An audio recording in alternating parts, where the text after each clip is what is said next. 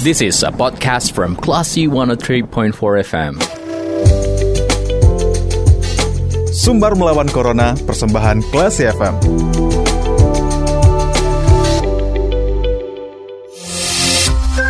Info Kelas FM, this is the actual radio. Kelas People, saat Anda mencermati sumber melawan Corona, persembahan radio Kelas FM bersama saya Dita Indira.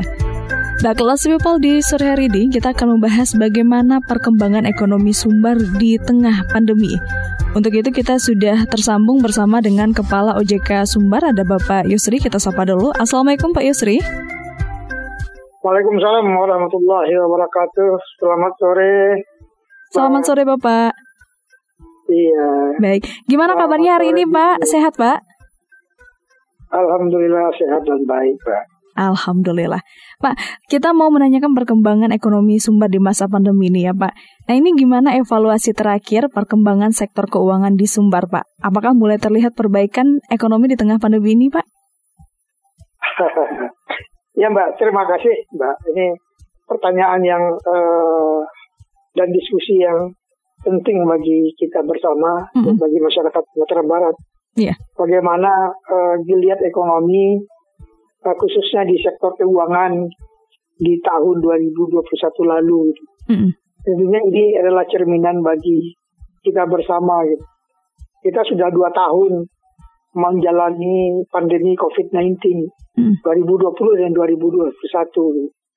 Nah, uh, dampaknya uh, tidak saja hanya sektor kesehatan yang terdampak ya, tetapi uh, sektor ekonomi Nah, alhamdulillah di 2021 kalau kita lihat perkembangan uh, sektor keuangan sebagai salah satu indikator dari pergerakan ekonomi di kita, mm-hmm.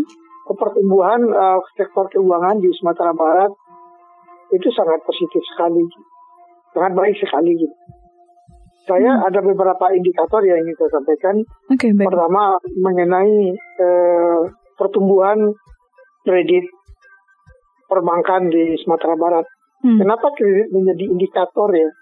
Karena kredit itu adalah sebagai uh, mencerminkan adanya giliat ekonomi di Sumatera Barat. Giliat ekonomi yang uh, dicontohkan adanya kredit, serapan kredit kepada uh, modal kerja gitu, serta jenis modal kerja. Permintaan kredit modal kerja di Sumatera Barat juga cukup tinggi gitu. Nah, pertumbuhan kredit di Sumatera Barat tumbuh 7,44 persen year on year jika kita bandingkan dengan Desember 2020 lalu. Nah, pertumbuhan kredit ini uh, tertinggi adalah di sektor uh, di jenis modal modal kerja, hmm. lebih kurang sekitar 14 persen. Nah, ini mencerminkan bahwa dilihat ekonomi terutama sektor uh, UMKM, mm-hmm. masyarakat yang bergerak di sektor UMKM butuh uh, sumber-sumber pembiayaan, butuh modal untuk menjalankan usahanya. Mm-hmm. Nah, mereka uh, melaksanakan uh, atau mengajukan pinjaman kepada sektor perbankan gitu.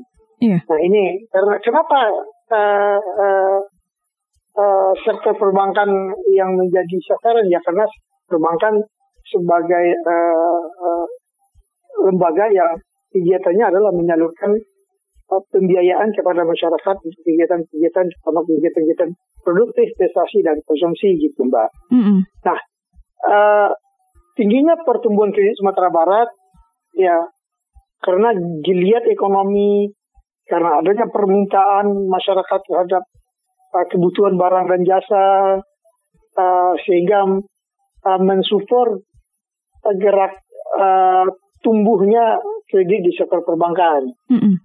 Nah, pertumbuhan kredit di sektor perbankan di Sumatera Barat uh, lebih baik ya dibandingkan mm -hmm. nasional.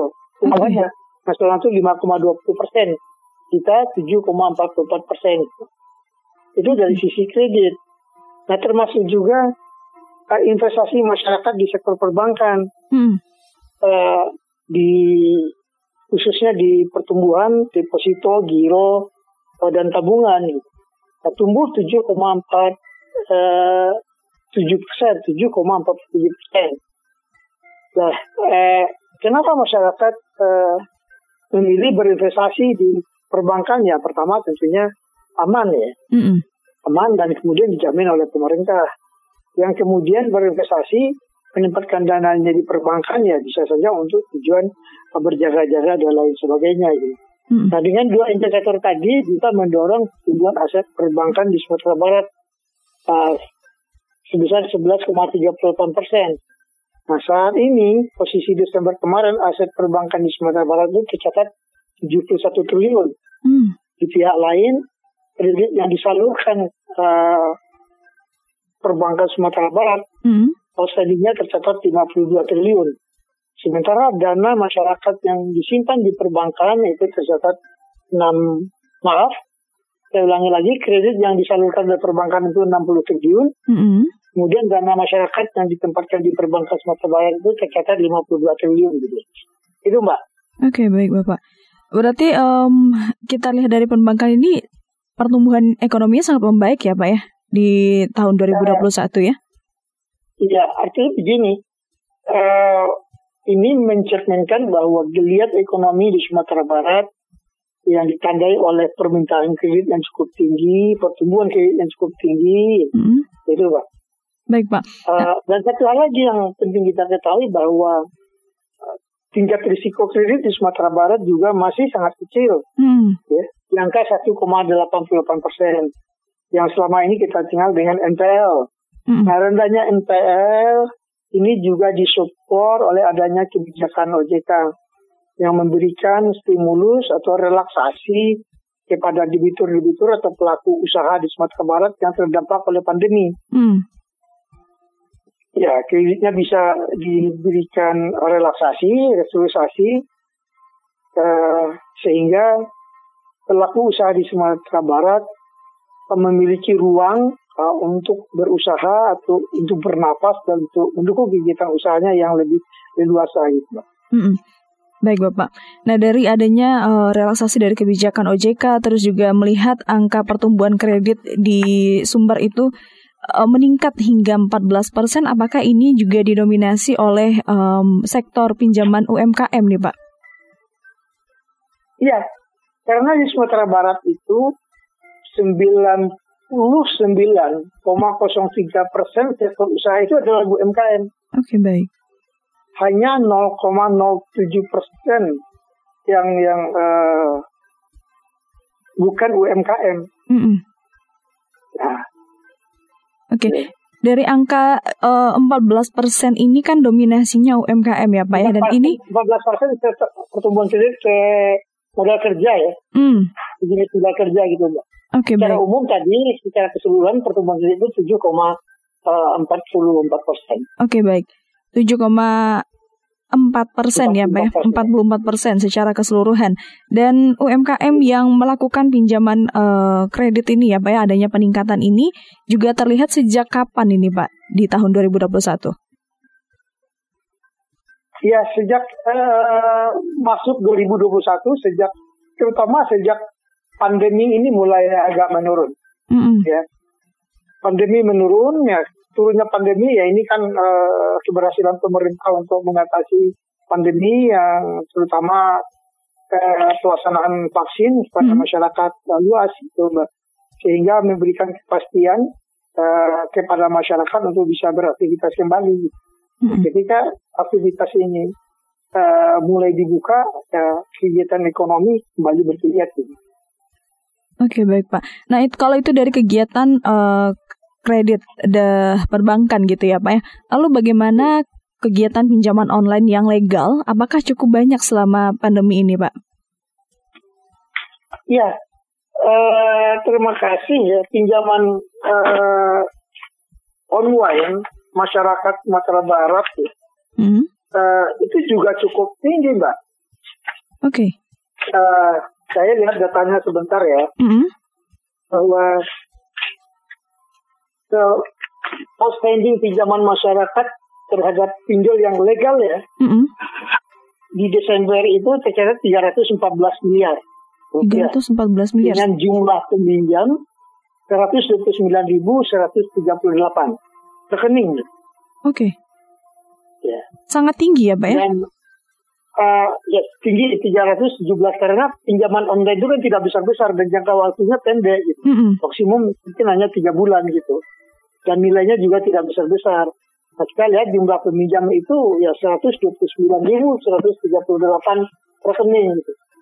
Dan kalau kita melihat akumulasi pinjaman masyarakat Sumatera Barat di pinjaman online yang legal, mm-hmm. kami menyebutnya peer-to-peer lending, mm-hmm. itu 2 triliun 125 miliar rupiah. Dengan total jumlah pinjam itu 4 juta 97.460. Oke, itu cakupannya uh, Sumbar, Pak? Sumatera Barat. Sumbar, baik. Ya. Oke, nah uh, berarti uh, sudah cukup meningkat menurut Bapak pemahaman masyarakat dengan adanya pinjaman online yang legal ini, Pak, dengan angka tersebut? Uh, kalau saya melihat dari data-data, hmm. ya, pertumbuhan pinjaman online legal di Sumatera Barat, ya masyarakat Sumatera Barat sudah sangat uh, pemahamannya sudah sangat baik gitu. Mm-hmm. Ditambah lagi pengaduan terhadap pinjaman online ilegal itu juga minim. Oke. Okay. Berarti sejauh ini uh, selalu menurun ya Pak ya laporan tentang uh, pinjol ilegal ini ya Pak ya? Rasanya selama saya di sini belum ada gitu. Apakah masyarakat yang tegan melaporkan atau seperti apa? Nah, saya uh, berpikiran positif saja bahwa masyarakat uh, Sumatera Barat sudah sangat paham dalam melakukan penataan keuangannya gitu. Mm -mm. Oke baik bapak. Dan mm -mm. namun sejauh ini ada yang terdeteksi pak di Sumbar uh, adanya pinjaman online ilegal ini pak beberapa waktu terakhir ini. Kalau dari kalau itu kan sulit kami mendeteksinya ya. Mm -mm. Kecuali ada laporan dari masyarakat. Mm -mm karena uh, tidak ada laporannya ke OJK dan tidak dibawa pengawasan OJK gitu. Mm-hmm. Karena ilegal kami hanya mengawasi yang legal gitu. Nah yang ilegal itu datanya sampaikan tadi. Oke baik Bapak. Um, ya. Baik, kita sudah dapat beberapa poinnya terakhir ini Pak uh, sesuai dengan pembahasan kita yang di poin terakhir tentang pinjaman online ilegal ini Pak. Mungkin uh, ya. bisa mengingatkan pendengar gitu ya Pak kepada masyarakat yang mungkin saja masih uh, terlibat dalam pinjaman online ilegal ini, apa yang pesan yang ingin Bapak tekankan kepada masyarakat, Pak? Ya, saya ingin uh, himbau kepada masyarakat Sumatera Barat, kalau untuk uh, melakukan peminjaman untuk kebut baik kebutuhan untuk uh, berusaha maupun kebutuhan untuk konsumsi dan kebutuhan lainnya, saya meminta dan menghimbau untuk meminjamlah pinjamlah ke lembaga-lembaga yang uh, formal, yang hmm. berizin, termasuk juga kepada uh, peer-to-peer lending atau uh, fintech yang legal gitu. Pinjamlah ke fintech yang legal atau ke perbankan atau ke lembaga keuangan yang resmi lainnya gitu.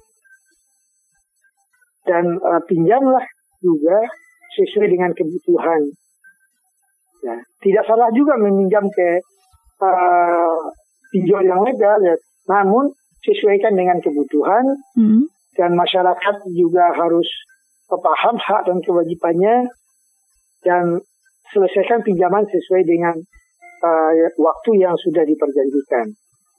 Dan untuk mengetahui uh, pinjol-pinjol yang berizin di OJK, silakan masyarakat Sumatera Barat akses ke websitenya OJK .ojk.go.id www.ojk.go.id atau bisa uh, telepon langsung ke nomor telepon 157 atau bisa juga melalui WA 081 157 157 157 itu mbak Oke baik bapak dan uh, semoga pesan terakhir ini bisa menjadi pengingat juga buat masyarakat yang mungkin akan membutuhkan nantinya dana-dana tertentu gitu ya Pak ya. Dan terima kasih ya. juga Bapak sudah memaparkan informasi bagaimana perkembangan ekonomi di Sumbar di masa pandemi yang sudah memasuki tahun kedua ini Bapak. Sama-sama. Baik. Terima kasih Bapak atas waktunya. Selamat melanjutkan Sama-sama. aktivitas ya Pak ya. Sama, makasih. Baik, Assalamualaikum. Assalamualaikum. Baik kelas people, itu dia perbincangan kita bersama dengan Kepala OJK Sumbar ada Bapak Yusri terkait dengan perkembangan ekonomi di Sumatera Barat di masa pandemi. Kalau gitu saya Dita Indira, kita ke program selanjutnya. Terima kasih. Anda sudah mencermati program Sumber Melawan Corona. Cermati podcast obrolan ini di www.classfm.co.id atau download aplikasi Class FM.